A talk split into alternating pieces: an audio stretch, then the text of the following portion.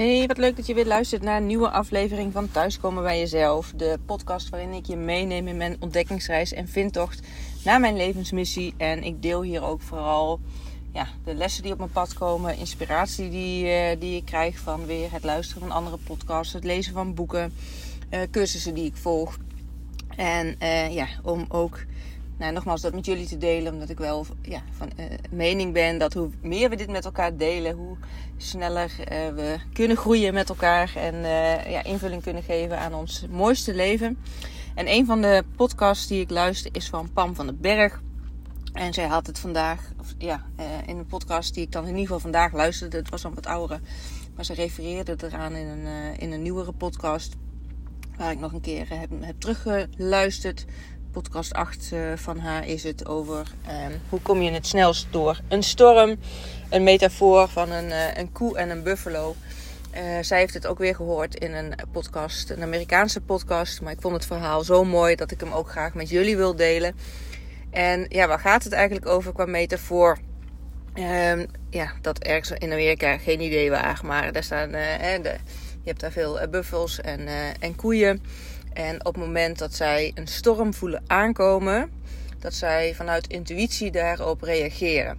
En uh, daar zit wel een verschil in van hoe de koe uh, daarop reageert en hoe de buffel daarop reageert. En nou, ik zal eerst het uh, beeld van de koe schetsen. Dus die voelt vanuit intuïtie uh, bepaalde signalen die hij ergens van oppikt dat er een, een storm aankomt. En wat doet hij? Die gaat uh, in de richting rennen van uh, ja, waar de storm vandaan komt, maar om dan een soort van mee te rennen met de storm. Dus hij rent er vooruit uh, van weg. Dus wat, ja, om, eigenlijk om zichzelf in veiligheid te brengen. Maar wat gebeurt er uiteindelijk? Die koe blijft rennen en rennen en rennen. Maar op een gegeven moment haalt ja, de storm hem in. En doordat ze dezelfde kant op gaan, is het eigenlijk zo dat die koe alleen nog maar langer in de storm blijft dan dat uh, ja, als die eventueel stil zou staan uh, in de storm zou zijn. Dus uh, de koe is in die zin blijft vrij lang in de, in de storm hangen. Of, of, ja. Terwijl als je de buffel neemt en die signaleert dat er een storm aankomt, die rent zo hard als die kan juist de storm tegemoet. En ook als die eenmaal in de storm is, blijft hij doorrennen. Dus nou ja, wat je je kan voorstellen op het moment dat die buffel dat doet, is dat hij veel eerder, omdat hij er tegenin rent, uh, door de storm heen is en weer in uh, ja, lichter vaarwater en geklaarde lucht heeft dan, dan die koe.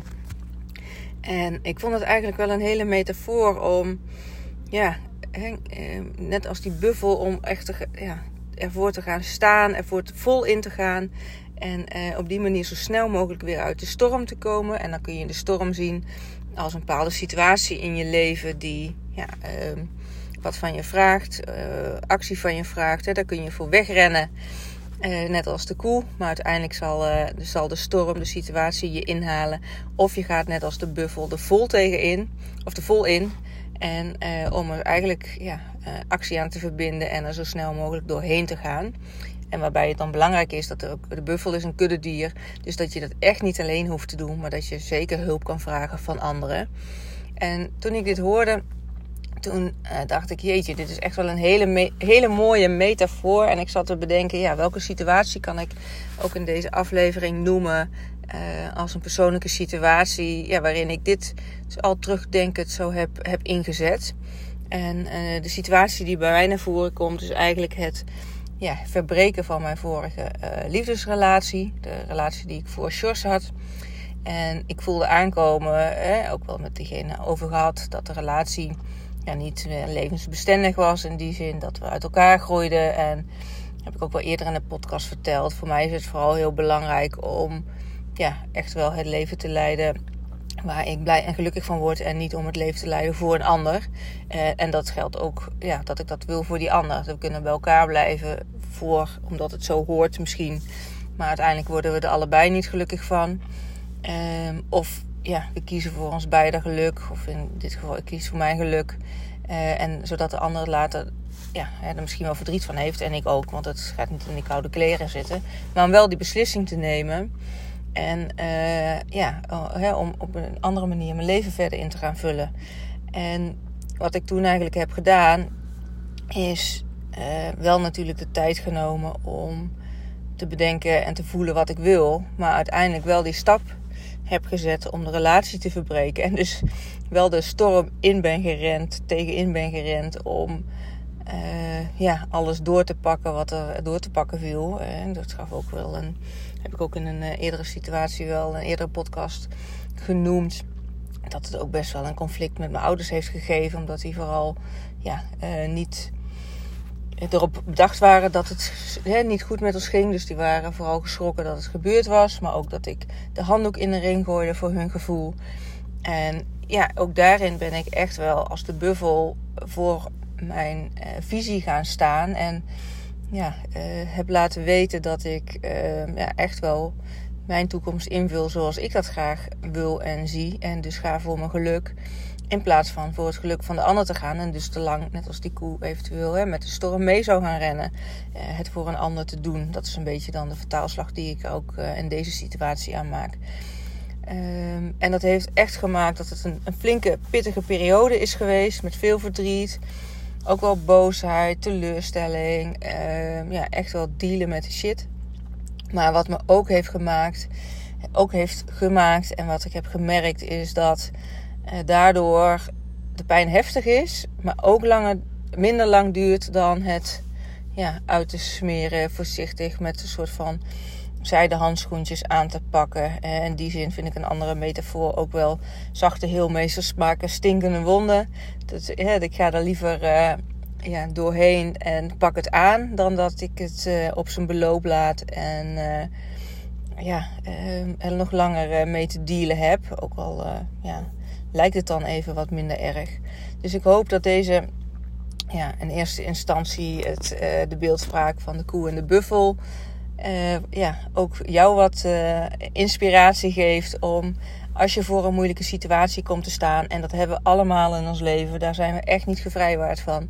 Maar dat je dan even kan bekijken van oké, welke gedrag vertoon ik? Hè? Want we hebben ook vaak een hele automatische reactie om ons ja, zo lang mogelijk buiten de pijn te houden. Om te vluchten voor die storm. Net als de koe. Uh, maar dat je je ook kan beseffen, oh maar wacht eens even, waar ben ik mee bezig? En ben ik voor de storm uit aan het rennen die me uiteindelijk toch gaat inhalen? Of kan ik er actie aan verbinden en net als de buffel gewoon tegen de storm in gaan rennen, de storm tegemoet gaat rennen en daardoor sneller eh, weer in een rustig vaarwater komt? Um, ja, laat me eens weten wat je van de podcast vindt. Laat me weten, misschien heb jij een situatie waarin je heel je sterk uh, verbonden voelt, dan wel met de koe, dan wel met de buffel. En zou je het na dit verhaal gehoord hebbende dat dan misschien anders doen? Of ben je juist al uh, vaak die buffel? En uh, nou ja, erg leuk om te horen en ook weer om anderen te inspireren. Ik zeg het al vaker, ook wel echt omdat ik ja, ervan overtuigd ben, geloof dat als we dit soort verhalen met elkaar delen, dat we ook anderen weer helpen stimuleren om uh, ja, andere stappen te zetten dan uh, wat we tot nu toe gewend zijn. Hè, om daarin uh, te groeien. En hoe meer dit gedeeld wordt, hoe meer input een ieder heeft en hiermee aan de slag kan gaan. Um, nou, dat was, dat was het voor vandaag. aanraden nog, hè, wil je meer van Pam van den Berg horen over deze specifieke, ehm, ja, deze specifieke aflevering, dan kan je zeker um, naar podcast luisteren. En dan naar aflevering 8. Kom sneller uit de storm. En een hele interessante die ik dus ook op mijn stories heb vandaag, gedeeld vandaag. Maar ja, als je deze aflevering van de podcast later terugluistert, dan uh, zijn die stories er natuurlijk niet meer. Maar podcast 170 van Pam van den Bergen is een interview waarin zij geïnterviewd wordt door Jolanda AV, een stijlcoach.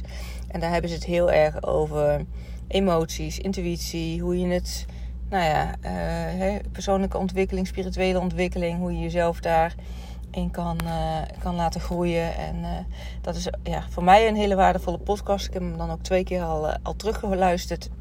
En wie weet kan jij daar ook inspiratie uit halen. Daar haalden ze in ieder geval het verhaal van de buffel en de koe nog een keer aan. Waarop ik die aflevering 8 dus nog een keer heb teruggeluisterd. En dat dus nu ook weer met jou deel.